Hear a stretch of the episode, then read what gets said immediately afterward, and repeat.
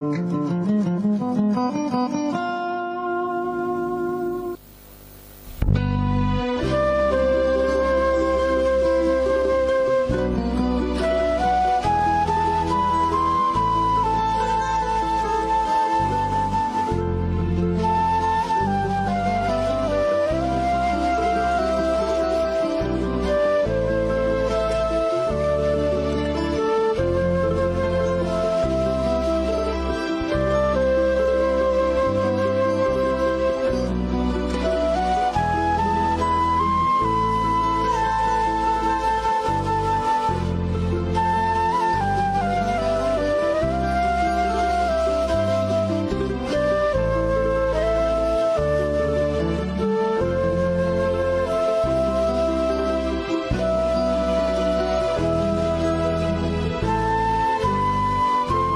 93 MHz sahabat Sormadiun di mana pun sahabat Sormadiun berada Seperti yang saya sampaikan tadi bahwasanya kita sudah kehadiran ya sahabat kita dari kelompok informasi masyarakat dan tema malam hari ini seperti yang saya sampaikan tadi di awal bahwasanya terkait dengan uh, keluarga sadar hukum. Nah, selangsung saja saya perkenalkan di studio sudah dua ada dua orang cewek-cewek tentunya cantik-cantik karena saya juga nggak mungkin cantik gitu. ada Mbak Esther, selamat malam Mbak Esther. Selamat malam. Iya, gimana kabarnya Mbak Esther? Terima kasih sudah hadir. Iya, tetap Ini dari, sehat semua. Oke, Iya. dari kelompok informasi masyarakat Kanigoro. Dan yang kedua nih, yang tidak asing lagi juga buat saya sih kalau sahabat Ramadan yang dengar mungkin masih berangan-angan kayak apa sih kan gitu. Ada Mbak Desi, selamat malam Mbak Desi. Malam. Ya, ini mewakili dari kelompok informasi masyarakat dari Kelurahan Kejuron. Mudah-mudahan sahabat Ramadan juga nggak bosen ya, karena memang seperti yang kita ketahui bersama, jadi kelompok informasi masyarakat itu sebagai ujung tombak ya, ujung tombak eh, agen informasi itu memang selama ini masih belum menular kepada yang lain aja. Kita sendiri nggak tahu. Kita sebenarnya juga mengundang pengen mengundang juga yang kim kim kelompok informasi masyarakat yang lain seperti itu. Tapi nggak apalah ini berproses dan langsung saja tema malam hari ini yang akan kita obrolkan ini terkait dengan eh, keluarga sadar hukum. Nah saya langsung ke Mbak Esther deh ini yang senior dulu deh nanti yang bagian yang milenial nanti Siap, siap. Iya. Silakan Mas. Iya, Mbak Esther, ini kalau boleh tahu nih eh, kadar kadar kum ya, Iya, atau betul. mungkin eh, keluarga, Keluarga sadar Sadar hukum. ini apa sih sebenarnya yang yang ingin eh, yang ingin dicapai atau mungkin gambaran lah gambaran sebagai eh, keluarga yang sadar hukum ini seperti apa gitu? Iya, sebenarnya eh, apa namanya visi misi dari pemerintah pemerintah itu adalah supaya masyarakat itu eh, tertib dan sadar hukum. Nah, penyampaiannya itu bisa lewat macam-macam, bisa lewat literasi informasi, yaitu bagaimana keluarga itu mendidik eh, anak-anak, yaitu bagaimana untuk mentaati hukum. Mentaati hukum itu tidak selalu orang tua harus anak-anak harus membaca undang-undang tidak, tetapi lewat eh, literasi yang kita tularkan dari ibu kepada anak, yaitu menularkan tentang eh, membacakan misalkan buku cerita. Seperti ini loh. Nah, nanti akan tumbuh budi pekerti dari sang anak tersebut sejak usia dini untuk anak itu tahu dan memahami dan mentaati tentang hukum dan peraturan yang ada di Indonesia. Oh, jadi tidak harus li, uh, lit- liter uh, literlock ya? Literlock, Literlock enggak. dari peraturan perundang-undangan begitu. Enggak, kalau eh, itu kalau sudah kalau sudah cukup usia, tapi Oh. kalau mungkin bisa dibiasakan sejak usia dini. Jadi bagaimana anak itu menumbuhkan anak itu Hmm. untuk eh, tahu tentang budi pekerti arti seperti yang mungkin saat-saat ini ada kasus kenakalan remaja, kasus narkoba. Nah, hal-hal yang seperti itu bisa kita capai bagaimana meminimalkan untuk tindakan seperti itu supaya tidak terjadi yaitu dengan membudayakan misalkan literasi informasi caranya bagaimana seorang ibu misalkan ibu untuk membacakan buku cerita yang mengenai sedikit tentang disinggung tentang budi pekerti dan juga tentang hukum undang-undang yang ada di Indonesia. Seperti itu Hmm, mungkin. seperti itu. Nah, selama ini dari Kadarkum sendiri eh, adakah semacam event atau apa ya, semacam lomba apa Perlombaan, seperti iya. itu? Itu sudah dilaksanakan belum ya? Sudah. Hmm. Jadi mm, untuk tahun ini Mm-mm. kita ada lomba kadarkum. Ini sebenarnya dari bagian dari bagian hukum. Oh. Ya, Ya. yaitu eh, lomba kadarkum yang telah diselenggarakan yaitu eh, untuk tingkat Bakorwil sebenarnya kita sudah dari Kota Madiun eh, mewakili untuk maju ke Bakorwil di mana di situ ada sembilan dari desa dan kelurahan kota dan kabupaten Kota, yang maju kabupaten. ya dan kita bersyukur sekali bahwa kita eh, sebagai juara satu itu tepatnya pada tanggal 27 Agustus Oh, 2019 begitu ya. Ya, dan berawal dari situ dari kita mewakili dari Bakorwil 1 Madiun Hmm. nanti uh, kan ada ada beberapa dari Bakorwil Tahapan ya. ya, Ah, ada tahapan. Nah, dari Bakorwil 1 Madiun kita mewakili Hmm. untuk maju ke tingkat provinsi yang beberapa saat lalu telah kita laksanakan Hmm. yaitu tanggal berapa di 14 ya. 14 November, tahun 2019. Terus hasilnya gimana ini? Hasilnya bersyukur kita bersyukur Ah. bahwa di anu Mas Edo Ya. Bapak di lomba kadar hukum tingkat Ah. provinsi itu ada juga lomba yel yel dan juga ada lomba cerdas cermat. Oh, begitu. Ya untuk lomba yel yelnya kita mendapatkan juara satu, sedangkan untuk apa namanya lomba cerdas cermatnya kita juara tiga. Oh, Ya. Untuk peserta empat empat eh, Pak Korwil atau seperti apa? Iya, Dede Ah, sih, Mas. Mbak Desi silakan kalau mau nambahkan. Uh, Ah. Jadi uh, kita kan sejauh timur ada lima bakorwil oh, ya. Bakorwil Nah, ya, Jadi bukan empat ya. Iya jadi dari satu-satu kemudian kami Bakorwil satu ada kota Madiun, Ah, ah. kemudian ada kota Batu, terus Banyuwangi, ada juga Sumeneb, Sumeneb, Sumeneb, Iya. terus satunya itu dari Gresik. Oh. Nah, kebetulan kami yang dapatnya masih juara tiga, Mm-hmm. dan juara satunya dari Gresik. Itu yang cerdas cermat. Iya, yang oh, cerdas jadi ada beberapa kegiatan di dalam, Ya, dalam lomba dan itu. event ini sebetulnya memang empat tahunan sekali pak. Oh, Jadi eventnya itu iya, rutin dan ini sampai jenjang nasional. Jadi yang kalau empat tahun yang lalu Iya. memang di Kota Madiun diadakannya berjenjang. Jadi per kelurahan, kemudian Bakorwil. Nah di empat tahun yang lalu kami itu baru di runner up sehingga yang maju ke provinsi, Provinsi. itu dari Kabupaten Pacitan. Kabupaten Pacitan. Tahun ini kami membalas. Oh, gitu. Tahun ini kami membalas. ya, Nah Pak iya. Ya. Cuma sayangnya yaitu di provinsinya kami masih belum bisa maju ke nasional karena Harus masih dibalas tahun depan. empat tahun Empat lagi. tahun lagi. Ya, ya, Iya. ini prepare untuk empat tahun Empat tahun lagi. ya nggak apa-apa. Tapi dari situ Mbak Esther, dari sisi apa Iya. namanya eh, bentuk-bentuk yang lomba, ini apakah secara eh, apa ya implementasi di masyarakat itu sebenarnya juga sudah terrealisasi enggak sih apa, kadar kum itu sendiri?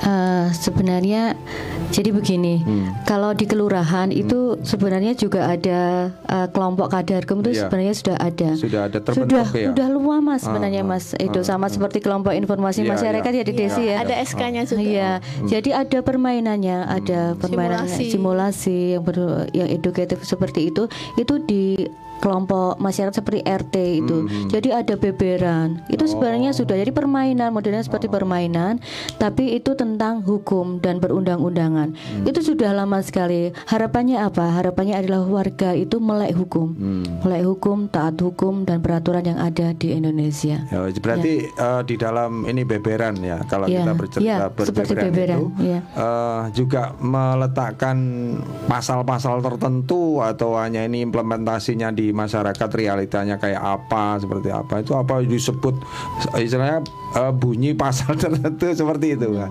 Iya. Itu Lebih. itu tercantum enggak di di simulasi Undang-undang ya itu ya yang disebutkan seperti undang-undang ITE oh itu berarti melanggar undang-undang ITE. Oh, cuman- ini melanggar Oh, ya kalau gambaran di singkat. gambaran singkatnya Tidak seperti detail itu. bunyi pasalnya. Kalau itu pasal untuk lomba. Saya kira di masyarakat, aduh, Iya. mau mikirin bumbu aja repotnya luar Harapannya biasa. kan ya. ya, Ah. Itu anu jadi waktu kalau di kelurahan Kanigoro saya sebagai anu perangkat di kelurahan Kanigoro itu kebanyakan yang ikut eh, untuk timnya Kadarkum itu kelompok Kadarkum itu ibu-ibu memang. Iya. ibu-ibu jadi ada seperti cerita simulasi seperti cerita seperti itu. Nah harapannya nanti bisa ditularkan karena kan ibu juga eh, penggerak literasi juga di betul, keluarga ditularkan kepada eh, anggota keluarga. Dan anu Mas Edo perlu juga diketahui bahwa eh, kelurahan Kanigoro pada tahun 2018 juga menerima anugerah iya Nah, anubawa ya. sasana yaitu deh, iya selamat ya. dari Menteri Hukum dan HAM sebagai itu keluarga sadar hukum tingkat nasional. nasional Iya. yang diwakili oleh kelurahan Kanigoro. Kelurahan Kanigoro. Kebetulan pesertanya atau keluarga yang diajak ke sana? Jadi kelura jadi ada 112 desa kelurahan se-Indonesia di mana banyak yang mewakili seperti Trenggalek mengirimkan 28 desa dan satu kelurahan.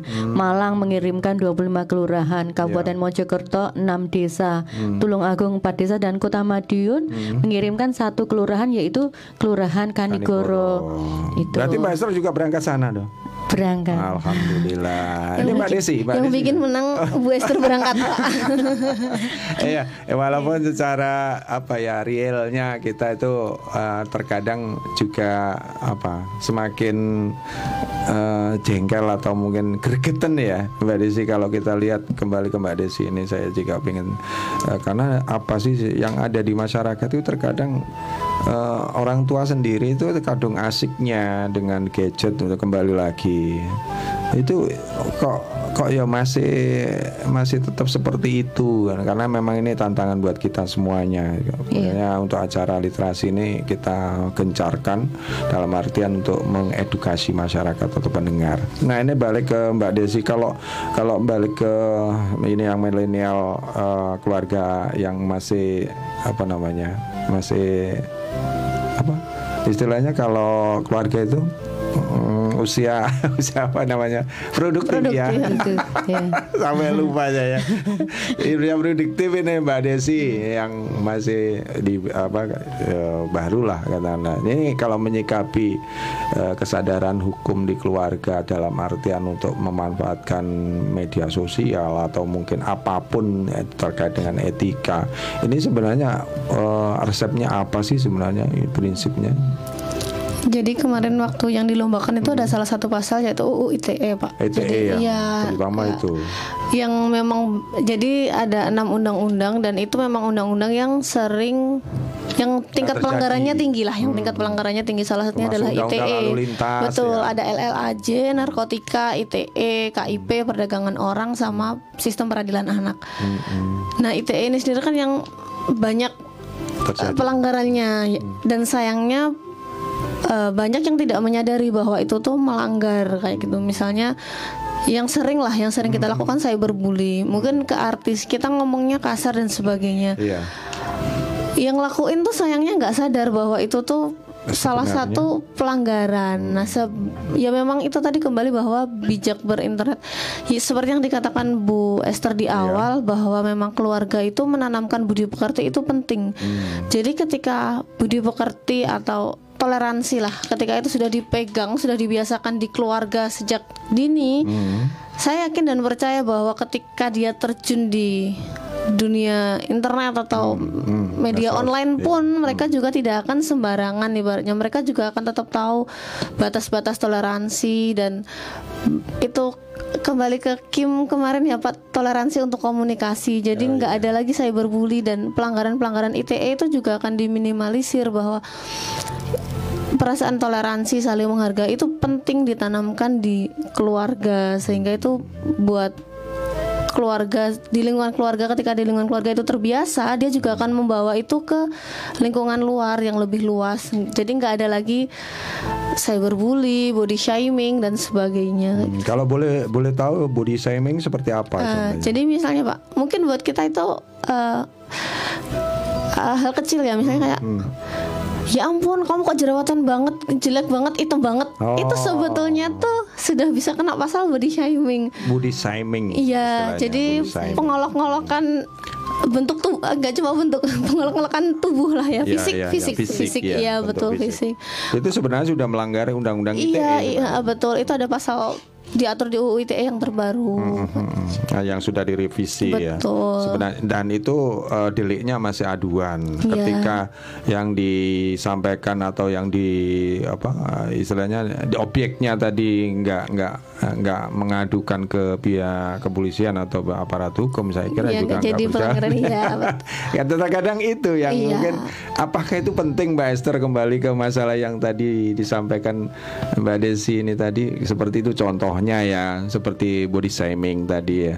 Ini kalau mungkin apa di masyarakat ini atau ya kita kita lah ini perlu perlu biar menjadi efek jerah apa ya layak kira-kira dengan delik aduan seperti itu Mbak Esther? Iya, itu kembali kepada diri kita sendiri sebenarnya. Ya, iya. kadang-kadang itu orang Jawa ya. Iya. Karena aduh. Mosok toh akan seperti Ah, itu, Gitu ya. loh. Terkadang itu padahal kalau kita kita lihat dari apa namanya materi pokok dari apa eh, undang suatu undang-undang itu tentunya mengikat ya siapa pun terkena dan sebagainya itu. Tapi kembali ke budaya kita.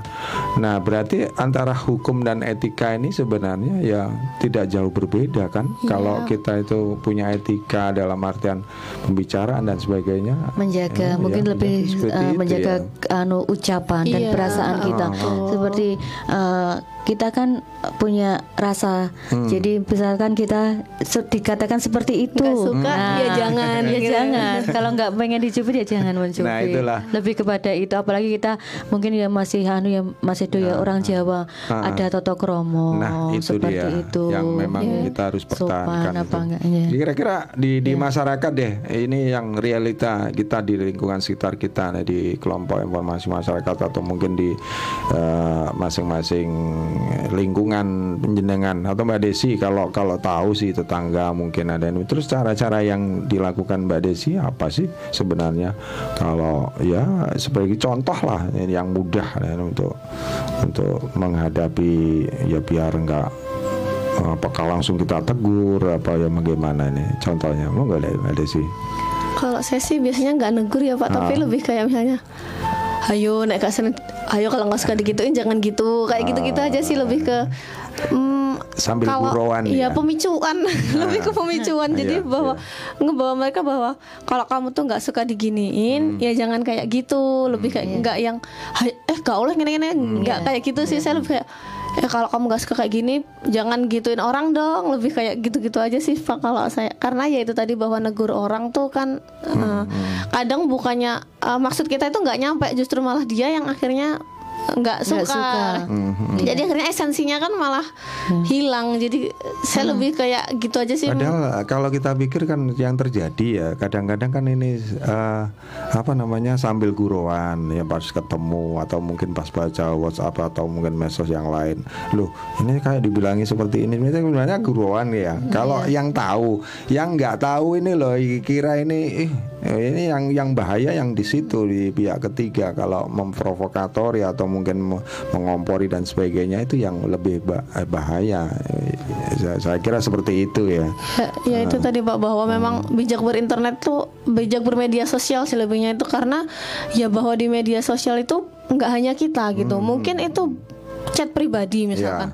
Tapi chat pribadi pun itu tidak benar-benar pribadi bahwa nyatanya di chat pribadi itu bisa di screenshot misalnya. iya, dan iya, itu bisa dipublish. Akhirnya jadi konsumsi sosial. Nah, dari situ memang ya harus benar-benar kita bijak di awal bahwa sekalipun itu pri- pribadi, privacy tetap itu adalah medianya media sosial milik umum milik Betul, bersama betul jadi. Iya. menghindari yang provokasi-provokasi yang seperti itu dan ngobrol sama chat itu beda ya Pak. Mungkin Betul, kalau ngobrol betul. tuh Iya, eh, selesai, selesai, kesannya itu iya. biasa, Ah, enggak ah, nadanya ah, tuh biasa, tapi benar, ketika benar. ngebaca persepsi kita yang nulis sama yang ngebaca Jadi tuh kadang beda sekali, betul. jauh. Yang nulisnya tuh biasa aja, yang baca ih kok kayak gini kadang tuh kan kayak gitu karena nggak ngelihat langsung. Betul sekali. Nah kalau kalau Mbak Esther sendiri ya untuk untuk yang yang pernah dilakukan deh untuk se- selama ini terkait dengan apa edukasi ke masyarakat, jadi khususnya di Kelurahan Makanigoro apa saja kegiatannya? Tentang kadarkom Iya, apa tentang kadarkum, kim? Oh ya. kadarkum, Kalau kadarkum. kadarkum ya lebih kepada seperti itu eh, apa namanya kelompok Bentuk-bentuk permainan ya ya. Hmm. eh, beberan seperti itu di apa di RT atau RW. Itu mengundang audien apa Iya, semacam biasanya kalau seperti eh, bagian hukum untuk memberikan penyuluhan kita Hmm. undang untuk memberikan penyuluhan. Tapi kadang-kadang itu sebenarnya juga untuk apa ya Pak? Anu sifatnya ya senang-senang. Ayo kita kumpul sambil ada acara kadarkom seperti itu. Lebih kepada ibu-ibu yang anu apa namanya kumpul-kumpul. Tapi kadang-kadang juga ada narasumbernya juga dari bagian hukum. Ya terkadang Seperti masyarakat itu. kita Iya. sudah kalau berbicara tentang hukum itu sesuatu yang harus serius kan seperti itu. Padahal mungkin tidak. kemasannya sebenarnya tidak. Kembali ke bagaimana manusia itu menyikapi satu aturan kan begitu kan Iya, intinya. biar, Jadi tidak uh, perlu menjadi momok itu kalau udah bicara juga, hukum. Oh, iya. Seperti apa Mbak Desi itu?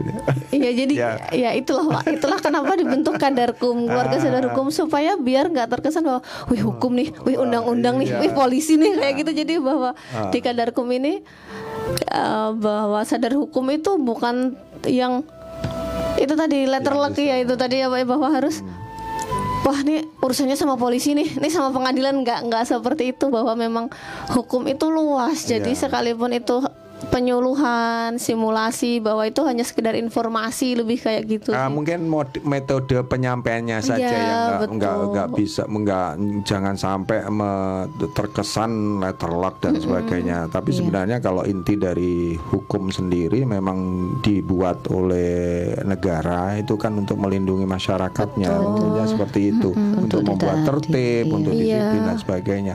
Ya cuman kita edukasinya yang metodenya memang bermacam-macam. Iya. Nah, ini selain itu apa Mbak Esther di, di apa yang dilakukan selain permainan, selain apa lomba-lomba kecil atau mungkin dalam 17 Agustus atau mungkin memperingati event-event Kalau lomba dulu pernah. Iya. yang mengadakan yaitu ya dari bagian hukum sendiri yaitu dari tingkat kelurahan ya Dek ya. Tingkat kelurahan diambil untuk juaranya per habis itu untuk tingkat kecamatan tingkat kecamatan baru kota. Oh, terus yang mandiri ada nggak yang, yang. Kalau di- mandiri belum. masyarakat? ya belum. Cuma baru simulasi baru simulasi, ya Oh, sekedar simulasi. simulasi. seperti itu dengan narasumber nanti kita mendatangkan dari bagian hukum Oh. sebenarnya mengasihkan Mm-hmm. kalau permainan seperti itu mengasihkan ya nggak mengasihkan itu pada saat lomba karena harus menghafalkan berapa deh 200 ya Ah, kemarin saya 125 soal- undang-undang 100, narkotika. ya. ada Mas Edo yang Kalau yang dua ini 160, Iya, ada, yang ada- 140. ada yang double. Dan Ada yang itu double. jawabannya selembar Pak Edo. Iya. Satu Dan- soal itu satu ya, lembar. titik koma harus benar Dan, Dan atau, atau. karena hubungannya pasal kan Iya, Pak. Jadi tidak boleh. dan atau atau dan atau itu memang harus di Ya. poin itu harus poin. sama materi persis, pokok iya. satu pasal Materi memang nggak boleh. Iya. Ya, harus persis seperti itu. Nah, Jadi ah. pada saat lomba kadarkom kemarin itu eh, dari berbagai macam kelurahan ya dek ya. Iya. Ya dari kelurahan Kanigoro ada dua, Terus Indani sama siapa? Lela. Lela. Terus Sukosari, ada Sukosari, Hanif. Hanif. Dedesi Banjarjo, dari ya. Banjarjo Istina sama saya Kejuron. Iya, dari berbagai macam kelurahan diambil yang yang pandai menghafal. Dan enggak, Pandai ternyata itu menghafal. ternyata itu pandai menghafal nggak cukup Pak. Ketika kami sudah Gimana, tahu tapi belnya enggak Nggak nyala. Iya. kalah cepet akhirnya kalah Pak. itu kalau itu Kecepatan teknis ya. juga. Iya, kecepatan. Teknis, dan Iya. itu menjadi satu pe- permasalahan teknis tersendiri deh Iya. kalau itu. Ya yang bikin greget itu Pak ketika tahu jawabannya Ya, tetapi tapi nggak dapat nggak belnya. Ah, ah. ya itu itu eh, apa namanya yang sering terjadi lah yang di luar eh, di luar eh, apa namanya pikiran kita itu seperti itu. Nah kalau Mbak Esther yang yang dilakukan selama ini deh kadar kamu itu kan sudah lama banget ya Iya. selama ini mungkin mungkinkah dari dari sisi ini yang yang selama ini aktif di proaktifnya di di pemerintahan dalam artian di bagian hukum yang selalu me- mensosialisasikan seperti itu. Nah kemudian ada nggak sih untuk ya semacam komunitas-komunitas tertentu tergugah untuk membentuk satu komunitas yang memang benar-benar ini sebagai bentuk implementasi peraturan perundang-undang. Misalkan contohnya kalau kalau di masyarakat yang di luaran sana terkadang ada yang eh, membentuk komunitas ini eh, taat tertib lalu lintas seperti apa ini sepeda apa ya keliling lah sepeda atau semacam itu. Sudah ada nggak dia? Kalau- kadarkum itu? Nggih, Kalau kadarkum kebetulan belum belum ada komunitasnya seperti itu karena ya masih apa ya seperti simulasi seperti itu. Kalau untuk lebih kepada apa namanya tadi kita bikin Bentuk-bentuk, ya, ya. komunitas Ah, komunitas. itu belum belum sampai segitu. Lain memang seperti kan kesannya kalau kadarkum tuh serius banget. Sa- Ya. nggak sama Apa dengan Kim. ya? nggak sama dengan Kim Apa itu mungkin sama. itu yang yang agak sedikit eh, di masyarakat ini kurang begitu mendapat Respon. eh, eh, Respon, respon iya. begitu ya karena aduh kok ini kalau masalah hukum ini mesti orang-orang serius kan begitu. Iya.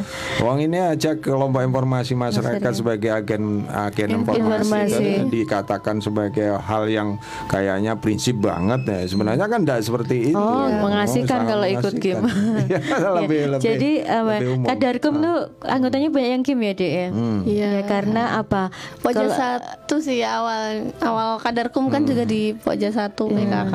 Iya. Hmm, dari anu ya kelompok eh, PKK Iya, ya. TP PKK. Sempat kayak Kim awal, terus kemudian Dari Kim kan situ. bentuk sendiri. Oh, gitu. Tapi kadarkum masih masih di satu. Sebenarnya ada kaitannya juga ya, Dek, ya, antara Kim dengan Kadarkum karena kan kelompok informasi masyarakat kita menginformasikan tentang peraturan dan perundang-undangan yang ada di Kadarkum itu sebenarnya. Iya. Dan kemarin memang Bu Wawali, Ibu Indaraya sempat eh, sempat ya Bu nyampaikan Iya. ketika kami akan berangkat bahwa diharapkan ke depannya itu bahwa eh, kadar hukum atau keluarga sadar hukum ini kelompoknya bukan hanya sekedar lomba, Iya, tapi ke depannya betul. juga turut ah, turut, turut juga terjun ke masyarakat untuk sosialisasi. Iya, Jadi yang mungkin jadi tantangan buat kita. Terkadang kita hanya eh, sebatas ah, mengikuti lomba. Iya. Setelah itu selesai. Setelah itu selesai. Nah, padahal di belakang kita atau di depan Tanggung kita tuh, lebih besar ya, sebenarnya tanggung jawabnya lebih berat kan begitu. Itu tugasmu, Dek Des. aduh, ya tugas kita siap, semuanya ya. siap, siap. tugas, tugas kita semua. Baik, sahabat Sarmadion luar biasa seru sekali dan monggo kalau sahabat Sarmadion yang ingin sharing di sini eh, tema kita me- menjalin sebuah eh, literasi informasi terkait dengan keluarga sadar hukum dan tentunya monggo eh, kalau ingin sharing di 461817 juga via WhatsApp di 081556451817 kemudian tentu yang masih terkait dengan masalah eh, sadar hukum kan begitu. Kemudian eh, yang ingin hadir di 461817 sekali lagi silakan ya. Eh, terbuka kita sharing-sharing di sini obrolan kita santai. Kemudian untuk Mbak Desi nih untuk eh, keikutsertaan lomba yang kemarin eh, sa- sementara untuk bisa menjadi juara satu kira-kira bisa ikut lagi enggak untuk untuk empat tahun mendatang Saya pribadi eh, tergantung bagian hukumnya Pak. Bagian Kalau hukumnya. saya insya Allah lah Oh, gitu selama ya. selama memang ada kesempatan saya insya Allah masih penasaran Pak. Oh, pengen begitu pengen ya. berangkat ke Jakarta sebetulnya Pak kemarin itu oh iya kan kalau nasional karena memang Jawa Timur itu belum pernah masuk finalnya Pak. J- oh gitu ya ah. Lan- Empat tahun kemarin mana, Dek? Hmm? Gresik juga. Eh, bukan bukan Batu. Oh, Empat tahun yang lalu Batu, tapi juga hanya berhenti di semifinal. Oh, Jadi semifinal. di di nasionalnya pun Jawa Timur belum pernah Bang. masuk ke final gitu. Iya. Hmm. luar biasa nih kalau sampai tingkat nasional Eh, monggo sahabat Ramadan yang ingin hadir di sini di 461817 kalau tidak bisa di WhatsApp di 0815564517 tentunya masih terkait dengan eh, keluarga tentang eh, sadar hukum dan seperti itu sambil menunggu nih Mbak Esther sama Mbak Desi eh, ini kesan-kesan deh yang kemarin setelah ikut lomba ini. Apa sih sebenarnya yang ingin dituju nih selain menang ya? Selain menang ini. Eh, sebelumnya ini, Pak. ya, apa apa? Eh, Saya mau nyampein terima kasih banyak lah buat Ibu Wawali dan Pak Wali tentunya bahwa Ibu Wawali menyempatkan hadir Hmm. ke Surabaya, Surabaya. ke Kanwil Untuk support ya. kami betul Pak asisten juga ya dan kami mohon maaf saya pribadi mewakili teman-teman berlima bahwa kami minta maaf kepada Kota Madiun sih bahwa kami ternyata eh, bahwa kami berhenti di tiga besar belum bisa ke final seperti yang diharapkan oleh beliau-beliaunya kayak Ya, nggak masalah Iya, ya. namanya betul. lah Iya, masih ada waktu. Eh, iya, Empat tahun eh, lagi iya. harus Justru yang jadi poin buat kita semuanya bagaimana Pasca lomba, iya, implementasinya ke masyarakat. Yang penting apakah Kota Madiun yang dikatakan sebagai smart city ini melek anu, hukum, kemudian sadar hukum juga di terutama di perilaku ya. Betul. Yang yang sekarang ini kalau kita boleh eh, nggak tutup mata anak sekolah sekarang sudah akan berbeda untuk yang 10 tahun sebelumnya ya Mbak Esther ya. Iya, Gimana kalau menanggapi itu Mbak Esther? Yang fenomena yang saat ini kelihatannya eh, bisa di anu Mbak Esther. Ya, ya memang em, sebagai contohnya ya, Ah, Madiun ah. kan smart city, Iya. banyak sekali program-program dari Bapak Wali Kota Hmm. Madiun, bagaimana untuk menggerakkan disiplin anak. Hmm. Nah, salah satu contohnya yaitu GDS, Iya, gerakan gerakan disiplin disiplin si- sekolah. sekolah, Iya. iya, di mana anak-anak yang keluar pada saat jam sekolah pasti akan terjaring. Hmm. Nah, itu adalah salah satu upaya dari Bapak Wali Kota Madiun untuk mene- menerapkan disiplin kepada siswa. Hmm. Nah, yang ke, ke- kapan hari saya juga ikut mendampingi adik-adik waktu lomba Kadarkum, yaitu saya sebagai official, official, ya, official Kadarkum. Jadi ya itu saya masuk ke sekolah-sekolah seperti apa? yang Hah? oh yang gerakan disiplin sekolah. ah. Kalau itu ya menjaring anak-anak yang keluar sekolah. Maksudnya pada saat Kadarkom kemarin itu kan saya juga mendampingi adik-adik ini sebagai Ya, official di ya. provinsi. Jadi tahu banget perjuangannya adik-adik dari apa namanya yang peserta cerdas cermat seperti apa itu saya tahu banget. Dan juga perjuangannya juga dari tim Yel Yel yang kemarin itu juga luar biasa sekali. Dan ini dan ini Ada pak yang lewat. Iya. dan ini pak Saya terkesima. dan ini pak bahwa hebatnya Bu Iya, Esther iya. sebagai official nih ya pak bahwa beliau itu menggandeng uh, putra putri dari SMA 6 dan putra putri dari API Akademi Berkereta Apian Indonesia Hmm. ya itulah hebatnya anu pak multi talent Bu Esther ini di ya. mana mana di mana mana ada betul betul. Ya itu Jadi- memang eh, salah satu cara kita lah ya Iya. Mbak Esther Iya, eh, untuk seperti itu. mensupport. Kan temanya kan sekarang ini adalah aku pahlawan masa kini.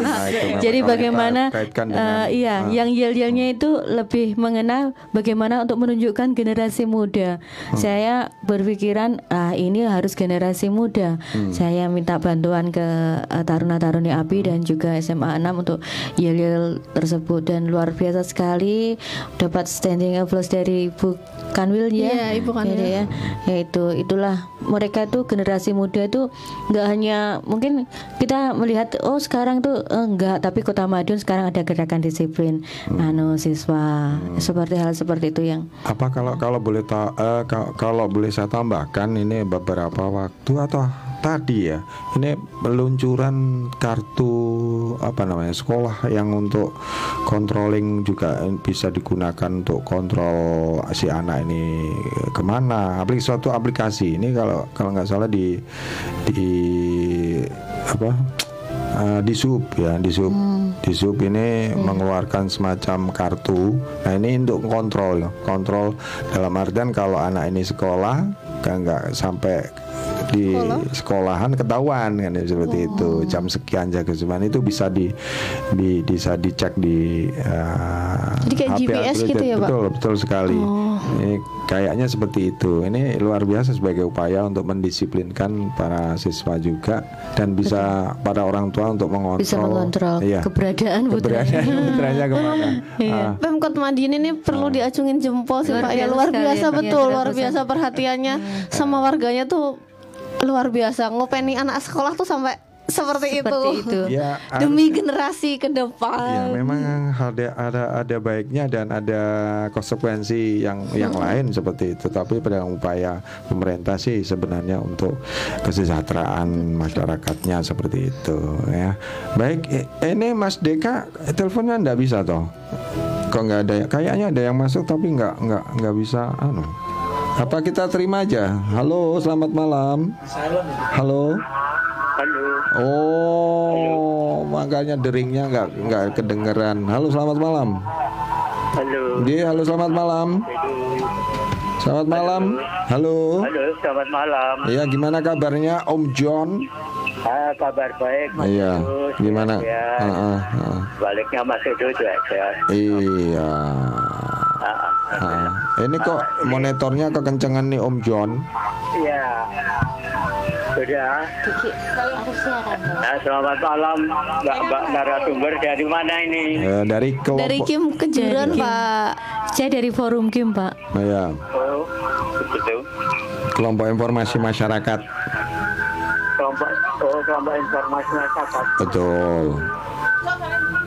Eh, ini saya barusan bangun tidur, tapi saya senyap sedikit. Aku eh, membicarakan kata kum, kata kum. iya, tadi memang seperti itu, Pak.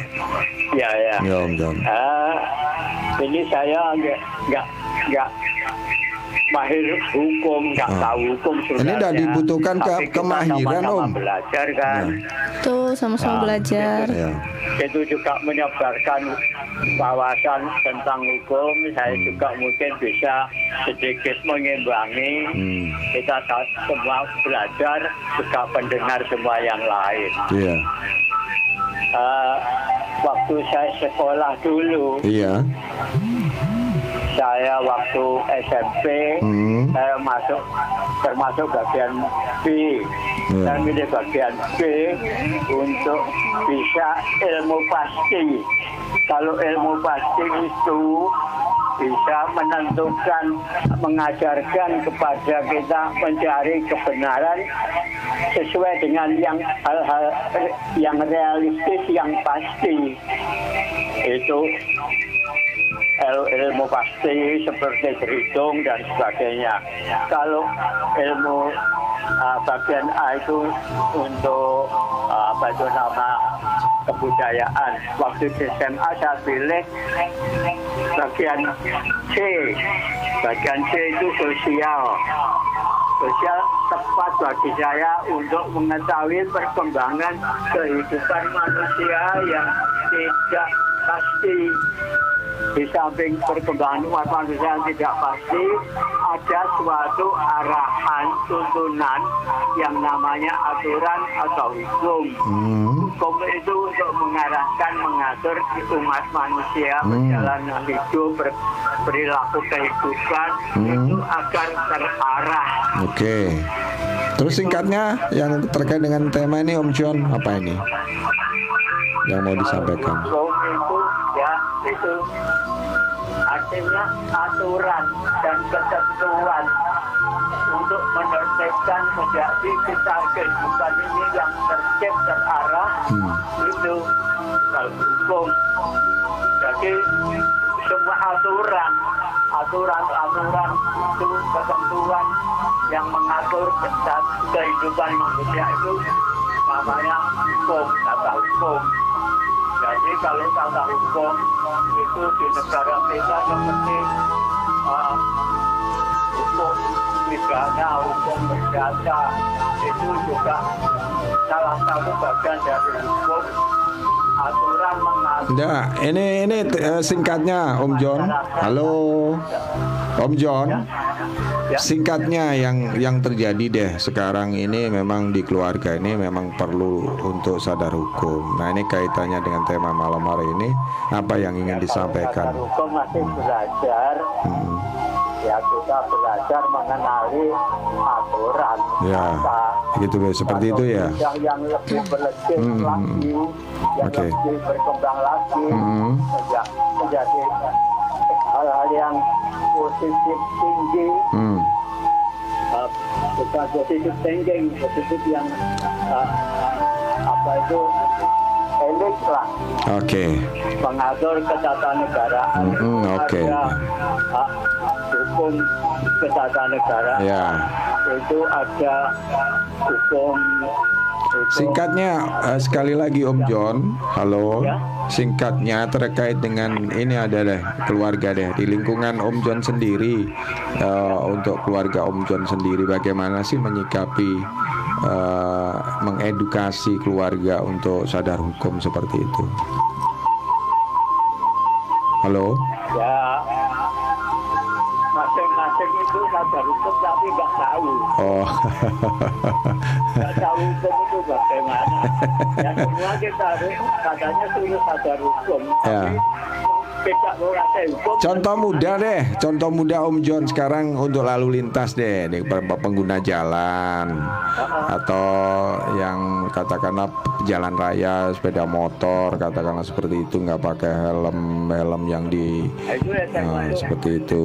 aturan aturan yang berdasarkan hukum. Nah, terus, itu aturan-aturan itu Hmm, di- hmm. di- ditentukan ditetapkan ya ya, berdasarkan hukum sesuai hukum. Iya dah. Ah, ini lagunya apa nih Om John? lagunya. Kemarin saya minta mas mas mas UU Hmm, rateku nggak ada. Sekarang saya minta itu apa? rateku Apa? rateku Oh, terateku. Oke, oke. Ya, ya, oke. Salam untuk semua saja Baik. terima kasih Sama-sama. assalamualaikum Waalaikumsalam warahmatullahi wabarakatuh. Terima kasih Om John. Nah ini Mbak Esther Mbak Desi sementara ini tadi yang disampaikan secara eh, beliau juga menyampaikan secara umum bahwasanya semua yang namanya berkaitan dengan hukum itu sebenarnya aturan yang memang betul intinya seperti itu. Cuman yang kita bahas sekarang di malam hari ini adalah bagaimana sih membentuk eh, sebuah keluarga yang benar-benar sadar hukum itu ada kaitannya dengan etika, kemudian ketaatan, kedisiplinan dari eh, pelaksanaan setiap hari ya.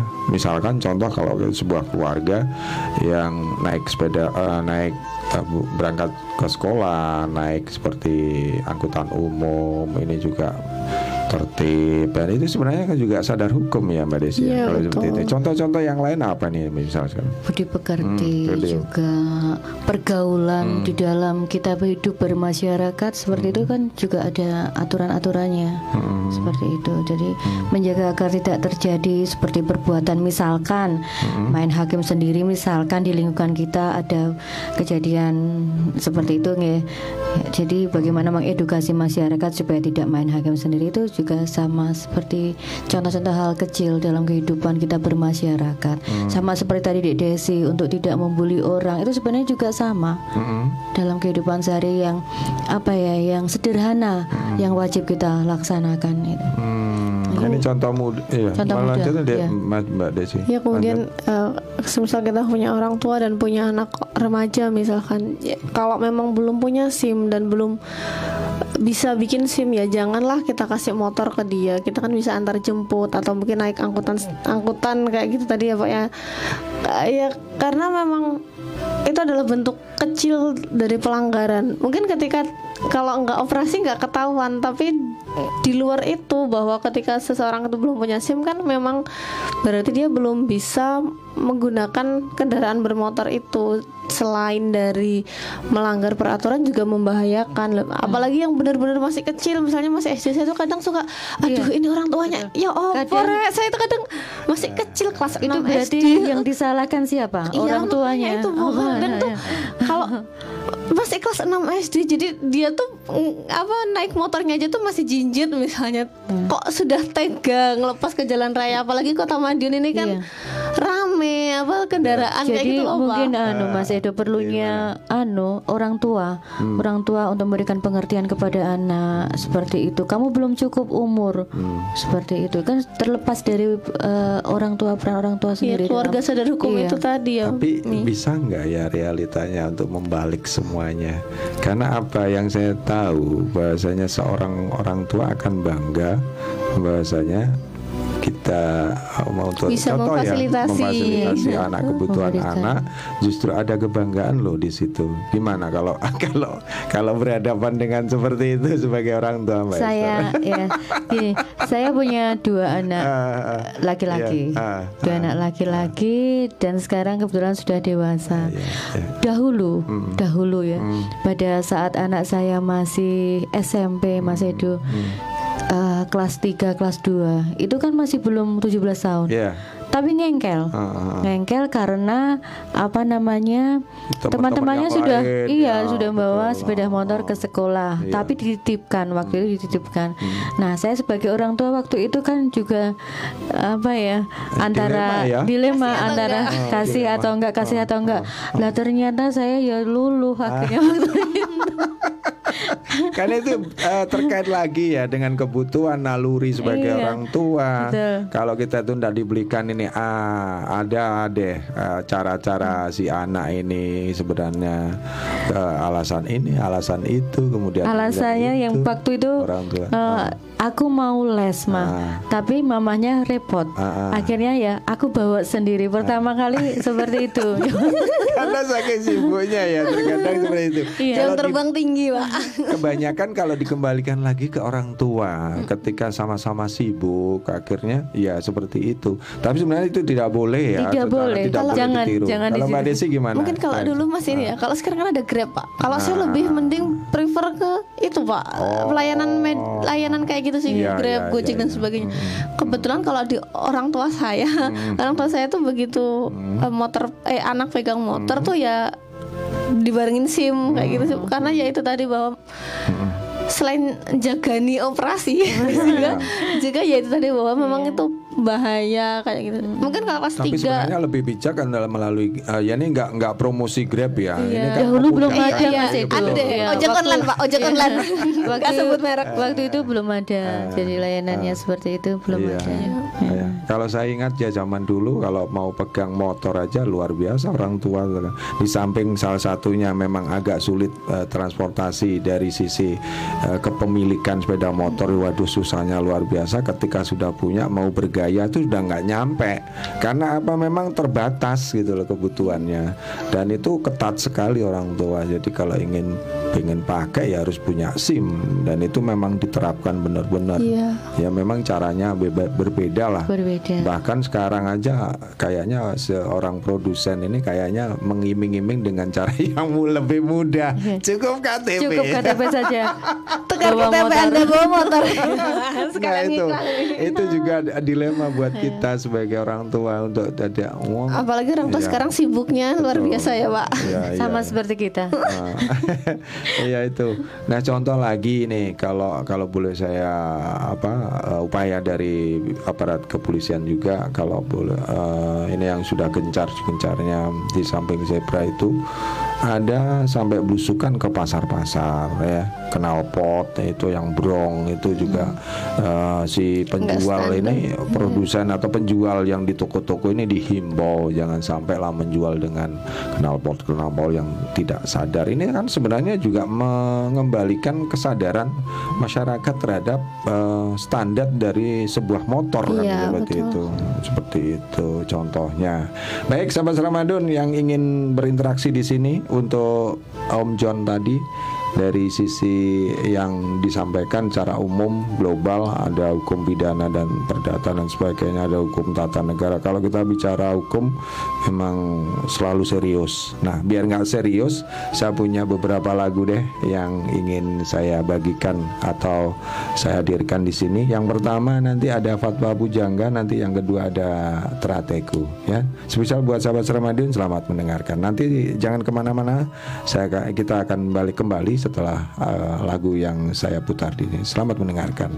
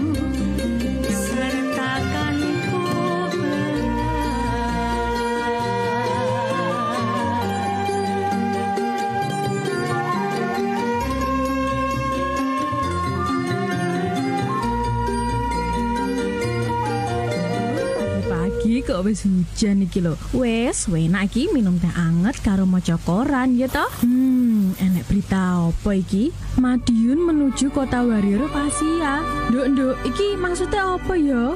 Wah, ibu dereng ngertos toh dalam rangka budaya pencak silat yang banyak di kota Madiun, Bapak Wali Kota memberikan tagline Warrior of Asia dengan harapan budaya pencak silat di kota Madiun mampu semakin unggul di Jawa bahkan sampai se-Asia. Eyalah Bio, wapik tenan yo, kota Madiun semakin maju dan unggul.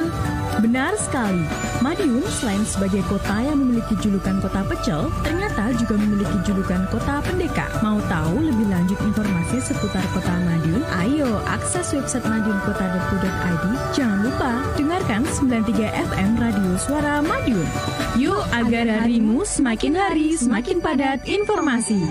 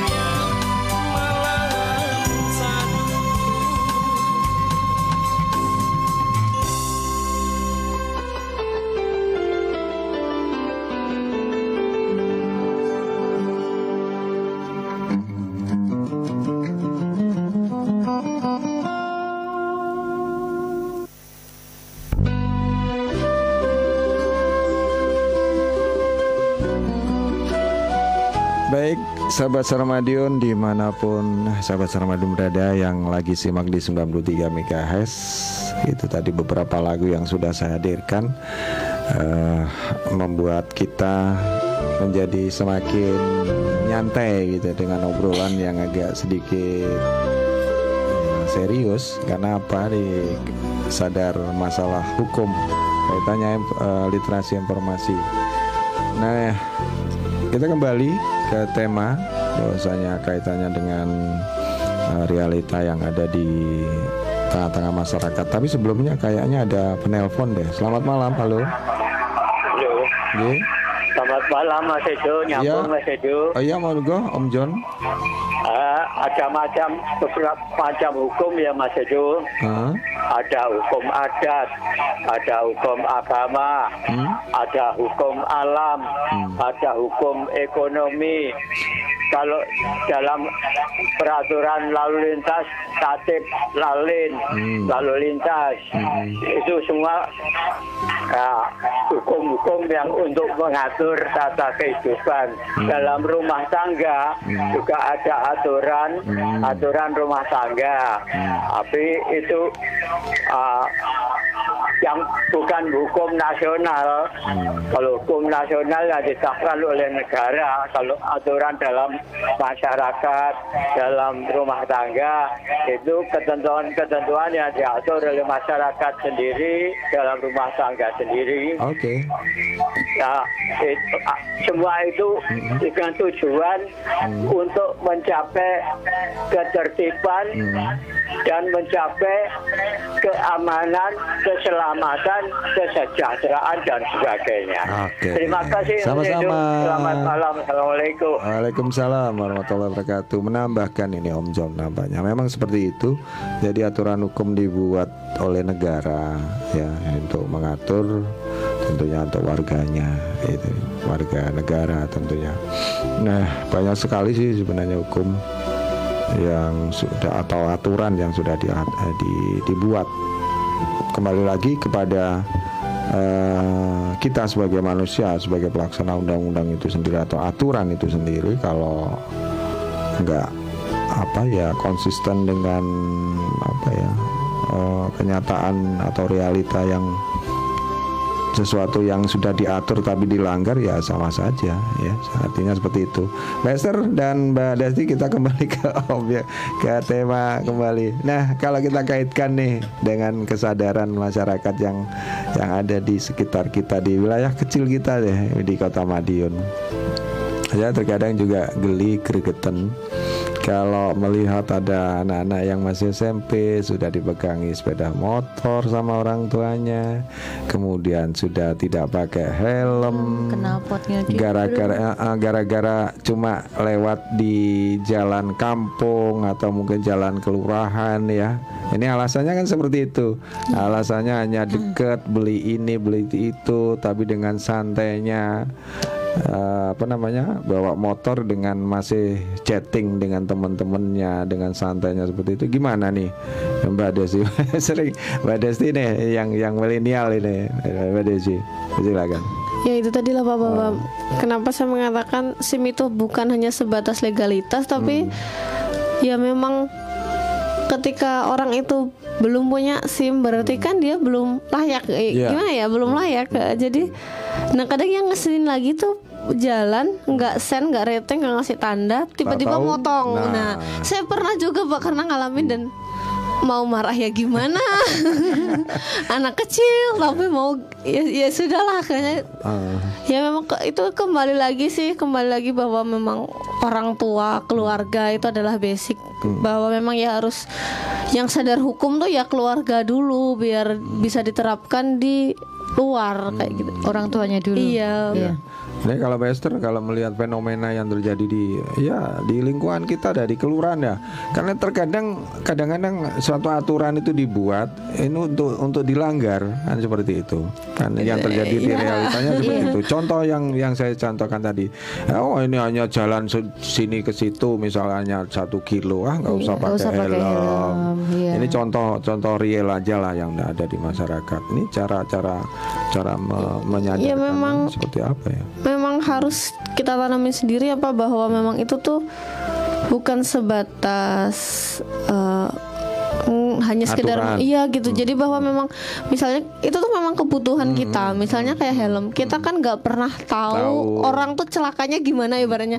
Kadang kita hati-hati ternyata orang lain. Nah misalnya tadi tiba-tiba ada anak yang mainan HP nyenggol kita misalnya jadi ya memang itu tuh kan seben- sebuah bentuk upaya preventif. Jadi ya memang bahwa kita tuh harus nanemin ke diri kita bahwa itu tuh kebutuhan bukan hanya sebatas. Saya kadang memang sering kalau masalah helm saya agak ini pak agak apa ya agak keras karena ya itu bahwa helm tuh bukan buat Iya, menghindarin polisi Iya, gitu. Helm itu buat ngelindungin kepala kamu. Kalau misalnya kepala itu udah pecah, nggak ada serepnya gitu loh, Pak. Nggak bisa kita beli. Kalau helm Iya. yang pecah, kita bisa beli helm. Ah, Kalau kepala betul. yang pecah itu loh, Pak, yang agak repot, nggak ada gantinya. Jadi saya kalau sama teman-teman juga saya agak cerewet.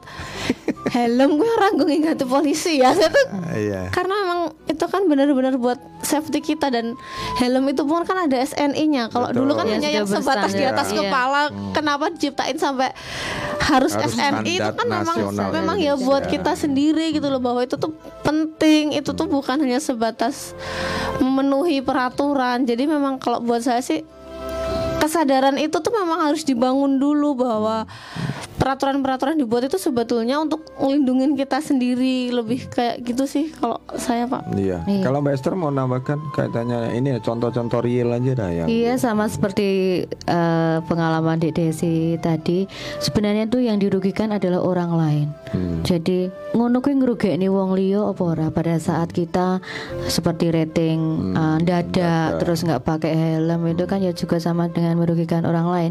Sebenarnya kan hukum itu diciptakan kan untuk ditegakkan. Bahwa hukum itu juga ada sanksi-sanksi yang mengikat.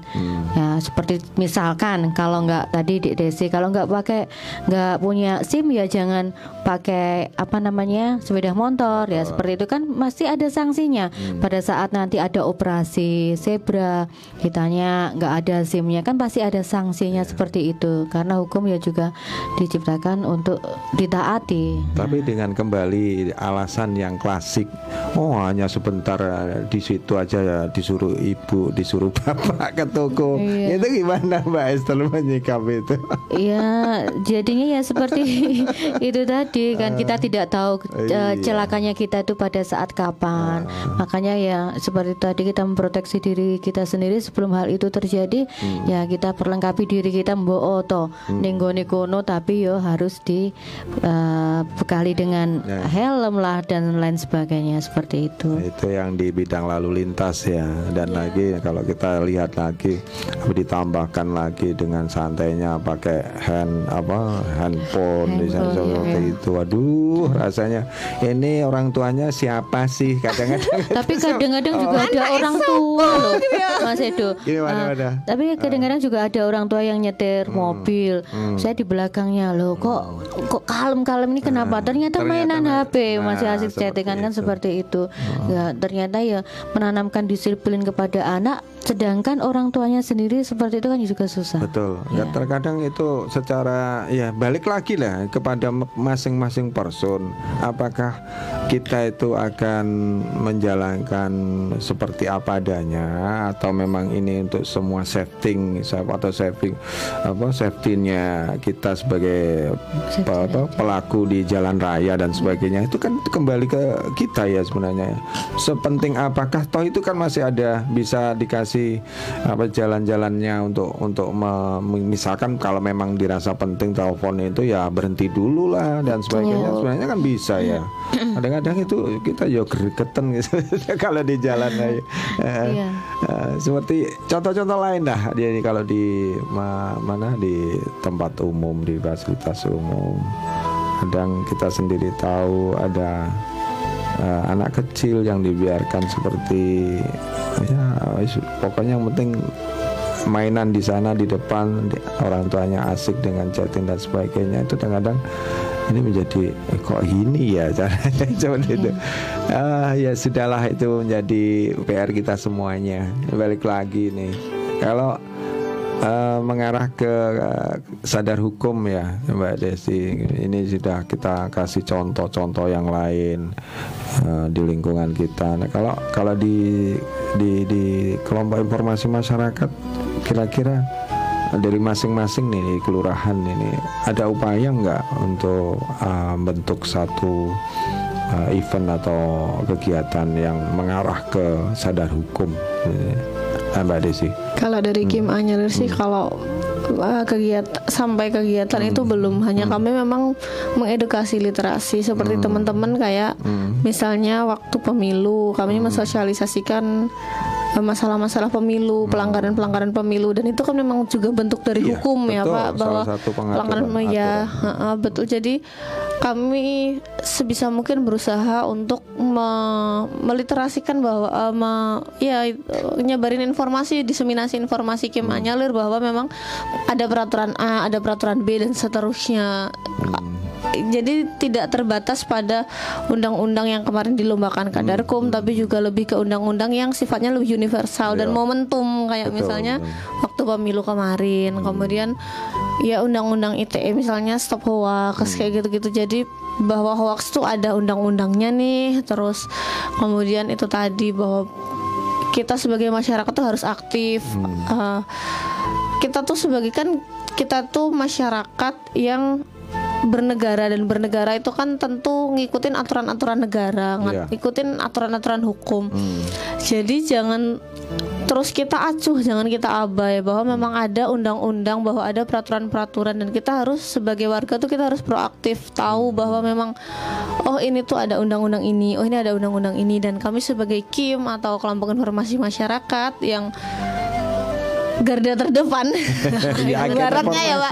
ya ujung Ya, tombak jelas agen agen informasi. informasi eh, mencobalah mencoba mensosialisasikan aturan-aturan yang Hmm. ada. Meskipun masih minim tapi setidaknya kami berusaha kan Hmm, tapi yang jelas kalau kita hubungkan dengan realita di eh, kehidupan sehari-hari semuanya sebenarnya secara tanpa sadar kita juga melaksanakan aturan loh ya. Eh, dengan tertib berlalu lintas belanja eh, tidak apa namanya tidak nyerondol misalkan ada antrian Antri, dan sebagainya. Gitu ya. Dan beli bensin dan iya. sebagainya itu juga aturan yang yang harus kita terapkan ya ya. Dan sekarang kota Madiun juga sudah nerapin CCTV ya pak. Nah, Iya, CCTV yang Ah, yang di perempatan Iya, itu yang ya. perempatan. Sebenarnya itu kalau saya malah ya justru kalau secara pribadi sebenarnya tuh eh, ya ada baiknya ada buruknya. Buruknya apa?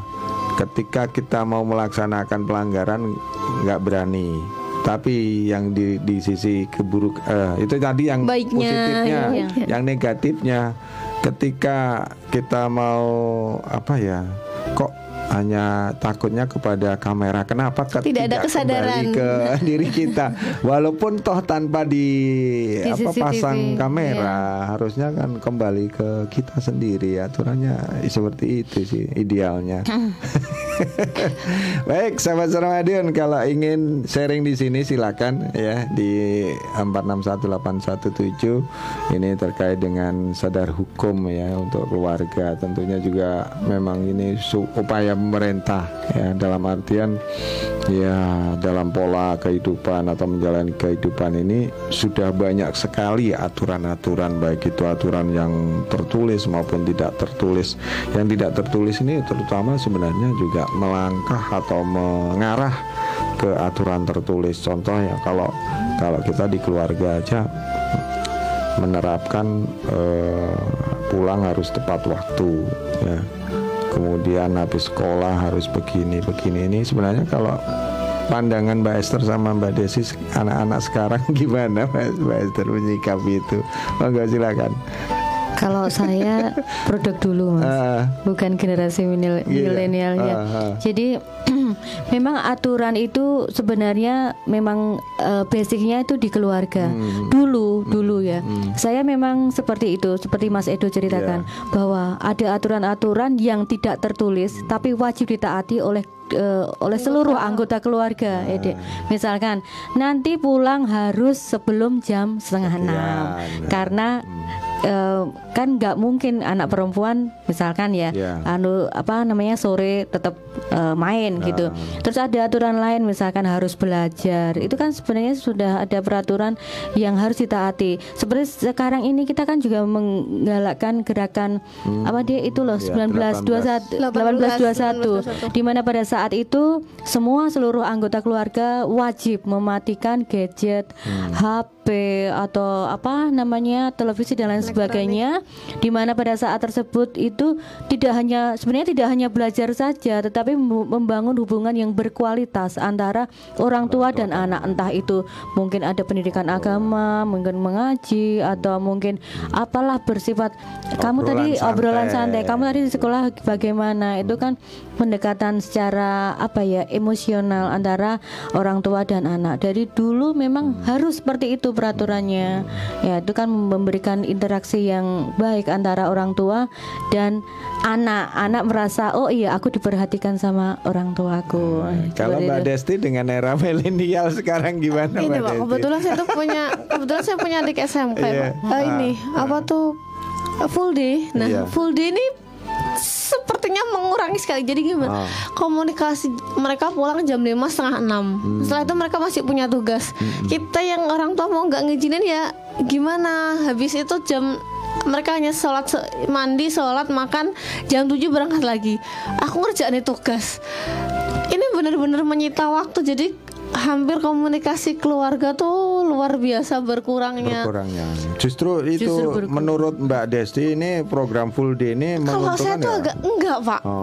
Ya ini pendapat pribadi Iya, ya pak. iya, karena iya, kan banyak apa-apa, ya. kalau saya tuh full day kok kasihan anaknya pak. Jadi Hmm. mereka ketika pulang sekolah udah capek belum lagi nanti masih harus les masih harus TPA dan sebagainya. Bener mereka Sabtu Minggu itu libur tapi liburnya jadi pelajaran pun tuh menurut saya saya yakin lah bahwa ketika sudah jam 12 itu konsentrasi itu sudah aduh iki opo ya? Udah kayak gitu. Jadi karena saya sempat eh, ngobrol sama guru saya ketika itu. Bapak enak dong hari Sabtu libur saya bilang. Enak apa nih bocah diulang mas orang mudeng dia tuh udah kayak gitu pak. Jadi memang ketika full day tuh ya sudah gitu. Dan mereka tuh sudah capek sambatnya anak-anak sekolah tuh yo aku kesel gini gini gini. Memang Sabtu Minggu libur tapi seharian diforsir. Belum lagi tugas belum belum lagi sebagainya sebagainya embel-embel ini itu. Tuh benar-benar memang menurut saya luar biasa menguras Energi. Iya energinya. Jadi ketika mereka di rumah tuh ya wes hanya tidur selesai. Dan ini komunikasinya dengan orang tua dengan keluarga tuh akhirnya agak lebih sedih iya berkurang gitu ya? agak jauh berkurang Sabtu Minggu pun ketika bersama pun tuh udah apa ya menurut saya tetap Masih banyak tugas-tugas. Iya betul. Jadi kalau ketika misalnya mereka pulang normal lah jam 3 katakan mereka kan sempat istirahat. Jadi habis maghrib tuh masih ada waktu sharing, ngobrol ya menggalakkan program 1821 itu tadi. Tapi ketika setengah enam baru pulang, jam 7 berangkat lagi tugas, jam 9, jam 10 baru pulang. Ya sudah sampai rumah udah Iya. tinggal teparnya doang. nggak ada Eh, hampir nggak ada komunikasi Gitu, kayak gitu sih betul. Pak. Belum lagi kalau memang orang tuanya juga pekerja.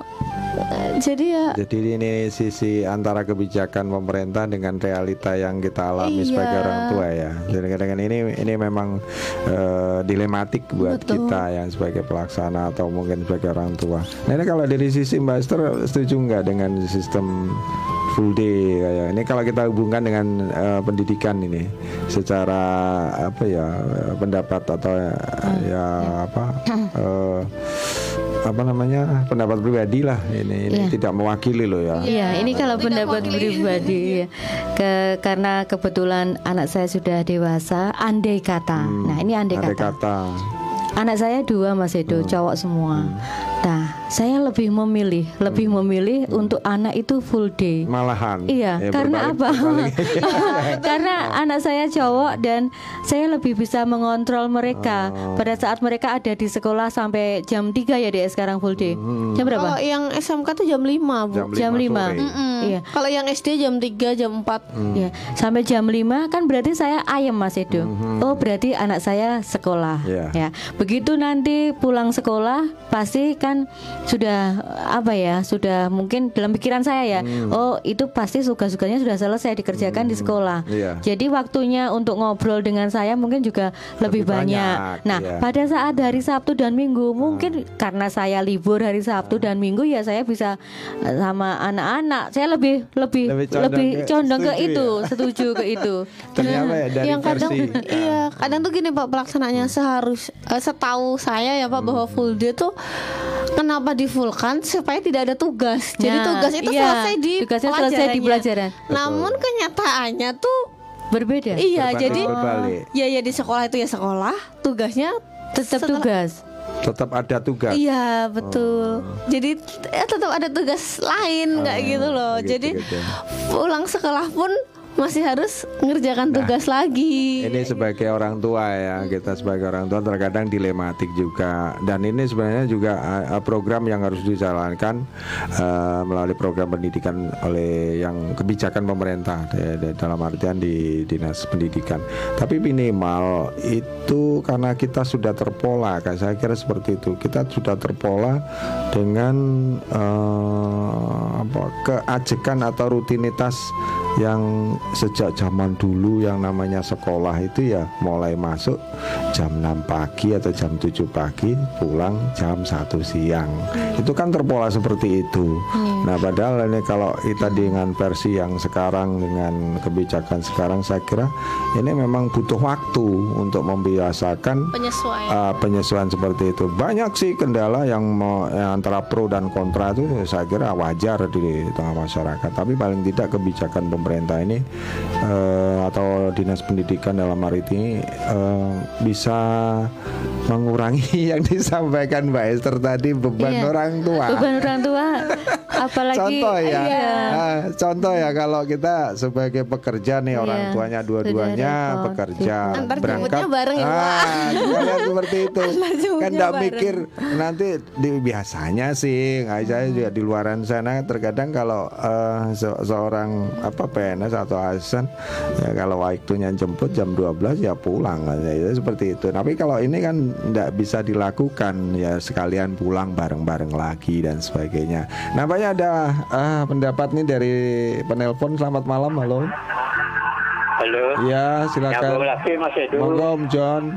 Ya, saya tambahkan sedikit. ya ya dalam kehidupan manusia kalau masyarakat kita ada hukum adat. Itu masyarakat masyarakat adat. Dalam perilaku kehidupan kita seperti dalam rumah tangga itu ada aturan-aturan juga Ya, tadi sudah disampaikan, anggota masyarakat Ha. anggota keluarga. Seperti budaya antri itu ada kebiasaan kehidupan masyarakat. Kalau itu merupakan aturan atau etika. Jangan sampai kita terombol-terombolan agar bagaimana semua berjalan lancar. Nah itu juga budaya antri itu kebiasaan eh, antri itu jangan supaya di- menjadi tertib. Jangan eh, segala perilaku amburadul. Juga uh, aturan-aturan makan minum dan sebagainya. Jangan sambil kotean dan sebagainya itu merupakan etika contoh-contoh aturan yang sederhana. Terima Iya. kasih Mas Sama-sama, selamat ya. malam. Assalamualaikum. Waalaikumsalam. Ini Om John menambahkan, memang kalau kita uh, u- uh, kupas ya secara uh, secara rigid atau rinci itu sebenarnya tanpa sadar sih kita tuh sebagai pelaku aturan juga sebagai pelanggar aturan kan seperti itu. Memang di di dunia ini banyak sekali aturan-aturan seperti yang disampaikan oleh Om John tadi.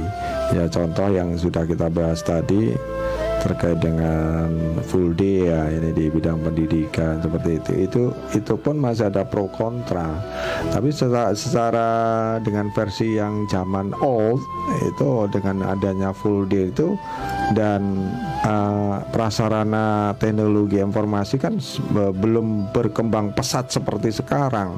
Bahkan itu sebenarnya kalau kalau saya boleh juga menambahkan eh, bahwasanya full day ini yang pertama sudah bisa mengurangi beban orang tua dalam artian pengawasan yeah. ya. Yang kedua ini secara secara apa namanya uh, perkembangan dari pembelajaran itu sendiri itu akan lebih lama di sekolah dan nantinya ini akan menjadi satu bentuk uh, apa ya uh, uh, pembelajaran yang efektif gitu loh. Ya walaupun yang disampaikan Mbak De Desi tadi ya pelajaran ya pelajaran ternyata masih ada tugas-tugas lain dan sebagainya. Itu itu memang fenomena yang baru itu dan tantangan ke ke depannya seperti itu.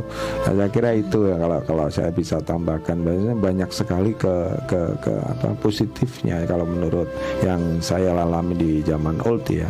Ini kalau kita lihat seperti itu.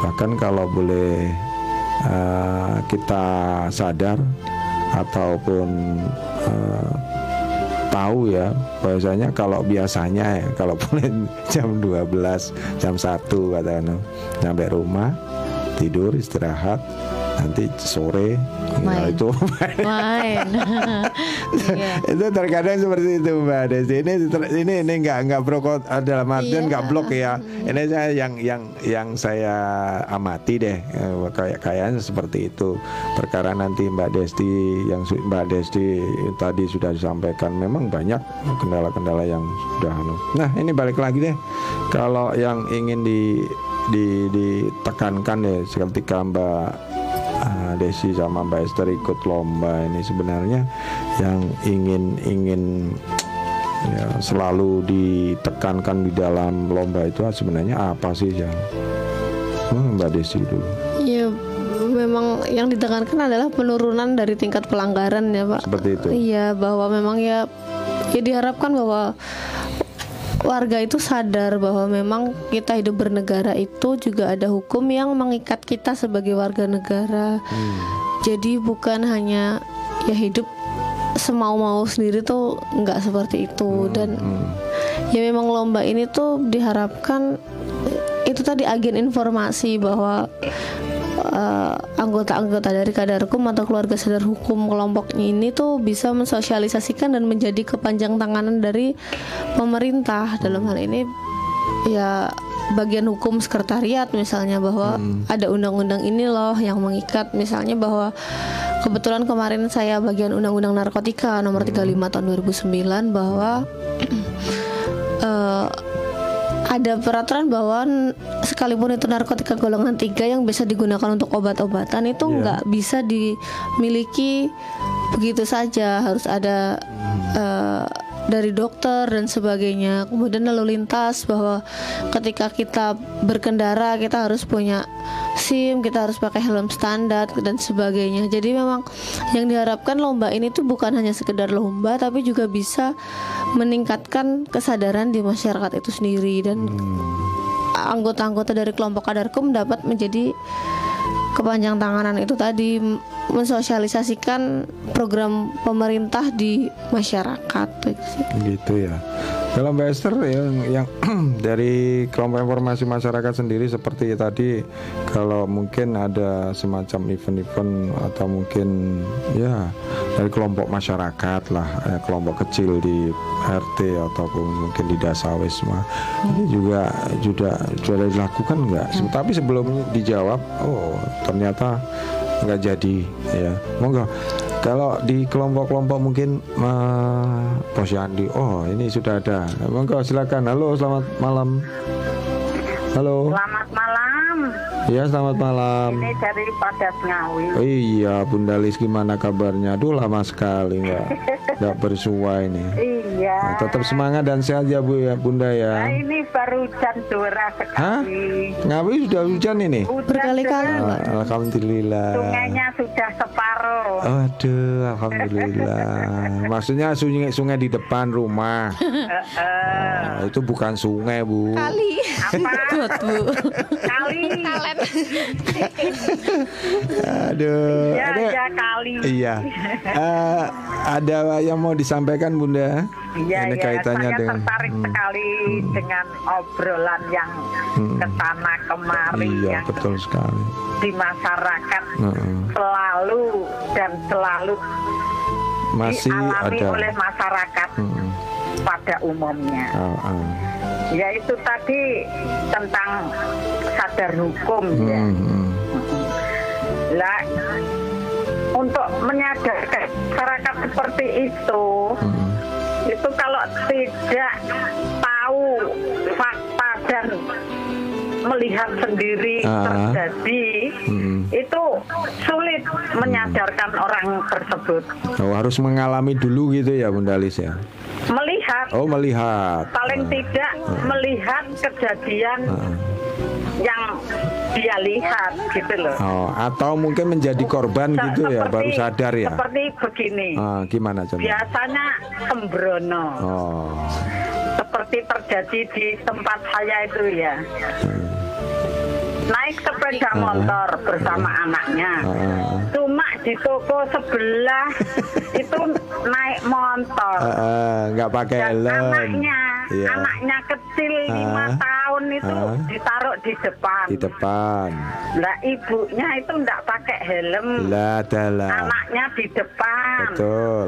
Lah anaknya, wong ya anak, mencet Masya Allah. akhirnya nyolot gitu ya nabrak tembok. Oh, yang model Anaknya sekarang kan metik ya. Ah. Kepalanya kena benturan, Ya akhirnya Allah. gagal otak. Nah, Nah itu operasi Heeh. dengan biaya yang mahal sekali. hmm, hmm, hmm, Itu habis 35 juta hmm. untuk menyembuhkan si kepala terbentur tadi. Padahal Nah, sepele ya. padahal Hmm. kalau pakai helm itu cuma apa toh nempel di kepala itu loh. Kok sulitnya bukan main. Iya. Oke, oke Lis. setelah itu Ah. orang-orang di sekitar itu akhirnya juga ikut sadar bahwa Helm itu kecelakaan itu tidak Diawali tahu waktu dan Ah. sewaktu-waktu. benar tidak diduga ya. Jadi akhirnya akhirnya pada takut Hmm, Iya. kalau naik sepeda motor harus bawa helm Betul. untuk melindungi kepala Iya. dari benturan-benturan yang Benar sekali. tidak tahu pastinya Iya. itu tadi. Nggih, nggih, nggih. Oke, Ya, itu- kasih itulah. Bunda Lis. fakta dan supaya masyarakat itu mengerti dan tahu Hmm. bukan hanya untuk itu ya. aksesoris, Aksesoris, di ya. kepala. Ya, ya itu aja mungkin Nggih, cerita. Nanti panjang sekali waktunya. Ini hadiahnya saya kasih lagu ini Bunda Lis apa ini yang dipilih? Wah, alhamdulillah kalau Mm-mm. dikasih Dapat lagu hadiah nih lagu apa ini? itu lagu Halo. Rontong Heeh. Indonesia Pusaka. Indonesia Pusaka. Eh, terima kasih. Ya, sama-sama. Sehat Mas Edo. Ya, terima kasih Bunda. Assalamualaikum warahmatullahi wabarakatuh. Waalaikumsalam warahmatullahi wabarakatuh. Ada Bunda Lis yang ada di Padas Ngawi ini juga urun ya, mungkin menjadi kajian kita lah untuk ya contoh yang seperti yang seperti itu tadi. Eh, contoh mudah di lingkungan kita. Tapi sebelumnya saya ada, ada penelpon kembali. Selamat malam. Selamat malam Mas Edu. Selamat malam. Selamat malam ini Mbak-mbak ini dari komunitas Kadarkum ya. Ke Iya, kelompok kelompok informasi masyarakat. masyarakat. Ya, Oh gitu KIP. ya. Iya. Ini intinya tadi temanya Kadarkum sadar Iya, hukum ya. betul sekali keluarga Ya sadar memang hukum. secara logika kalau kita tadi yang disampaikan Bunda Lis itu Hmm. sebenarnya betul, tapi banyak lagi yang perlu kita sikapi bahwa sadarkum atau Hmm. kadarkum itu ya semua harus harus menyadari ya Hmm. tidak dipungkiri mas itu Iya. bahwa orang-orang yang tahu hukum itu kadang-kadang melanggar hukum sendiri ya ini Manusiawi. betul mas itu kita tidak mengatakan siapa pun tapi Iya. jenengan tahu manusiawi, ya betul Ma- eh, makanya dari itu cobalah kita harus mengevaluasi bagaimanapun juga dari semua pejabat ya. Dari eksekutif, yudikatif, legislatif kalau tahu hukum mungkin tidak ada terjadi sesuatu yang melanggar hukum. Ya korupsi lah ya. Nah itulah. Hmm. jadi bagaimanapun juga uh, untuk generasi muda ini kelihatannya ada degradasi moral dan mental mas itu ya. Wow. karena pengaruh yang luar biasa dari faktor-faktor ya. Mungkin sekarang ini yang marah ini uh, apa deradikalisasi lah. Inilah jadi harus disikapi. Karena deradikalisasi ini sasarannya pada generasi muda ya. Mencuci otaknya ya. Dari dari itulah samping itu ada faktor-faktor lain seperti narkoba ya. Pergaulan bebas inilah. Jadi ah, saudara-saudara yang hadir di sini, mbak-mbak ini eh, luar biasa. Jadi menyikapi hal-hal yang seperti itu. Cuma saya ingin tanya pada bapak, langkah baik. apa, manuver apa ah, mbak-mbak ini supaya memberikan apa apa itu eh, nilai-nilai ya eh, mengurangi gerakan generasi muda yang sifatnya negatif ya apakah dari segi apa segi apa supaya di di Madun ini tidak ada sesuatu yang merugikan generasi muda ya itu saja dari saya Oke. terima kasih assalamualaikum Waalaikumsalam warahmatullahi wabarakatuh. Terima kasih. Eh,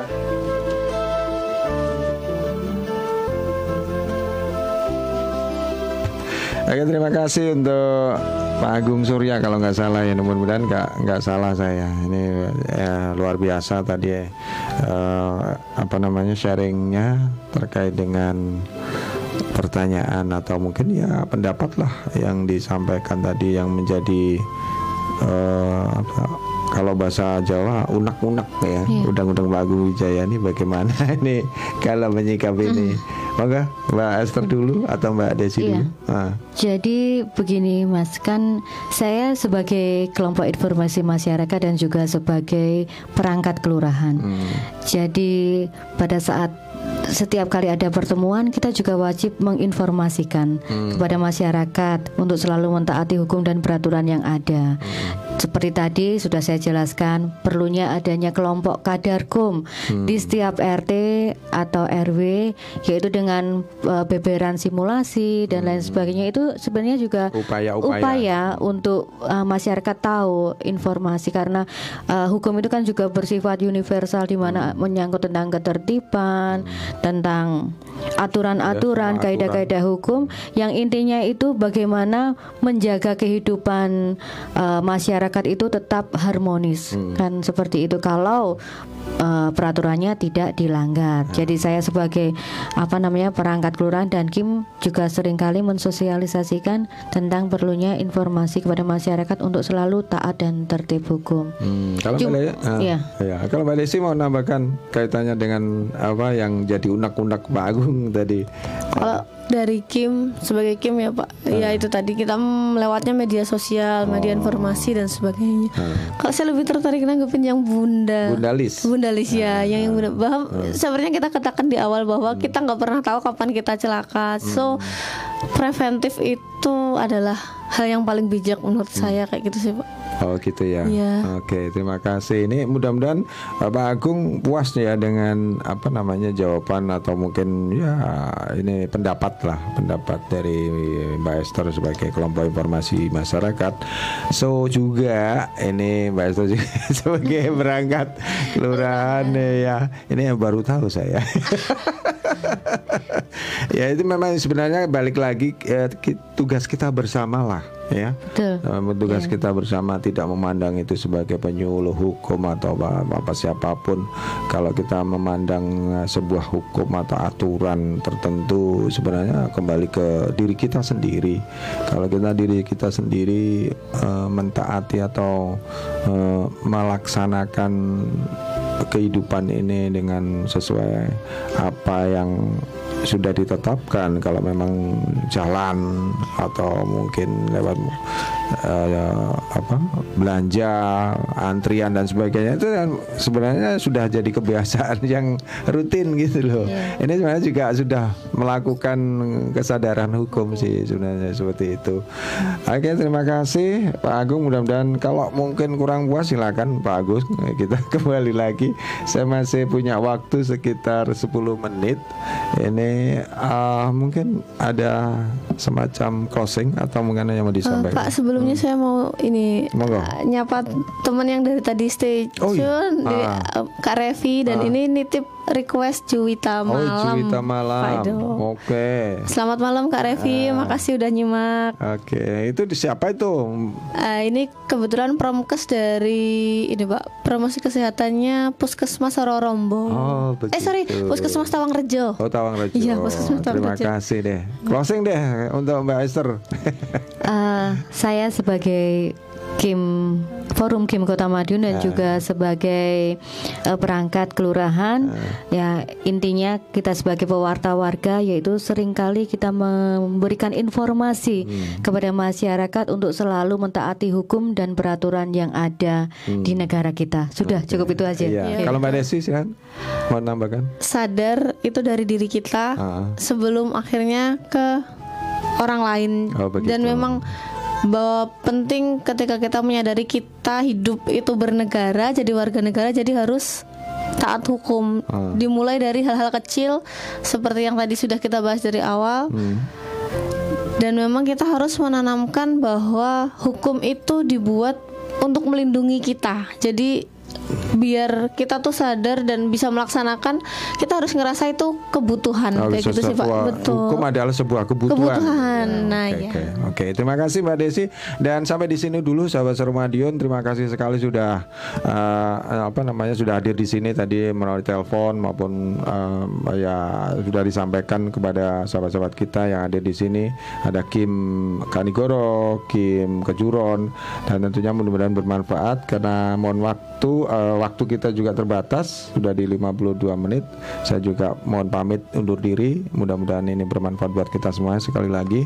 Kemudian uh, saya terima kasih kepada Mbak Esther sudah hadir di sini, Mbak Desi. Mudah-mudahan ya nggak kapok ya, nggak bosan-bosan kita menjadikan satu bentuk uh, cara pencam apa uh, sebuah penyampaian informasi yang positif tentunya seperti itu. Dan sampai ketemu di lain kesempatan sahabat Sermadin dari studio saya pamit undur diri wabillahi taufik wal hidayah. Wassalamualaikum warahmatullahi wabarakatuh. Sampai jumpa. Waalaikumsalam warahmatullahi wabarakatuh.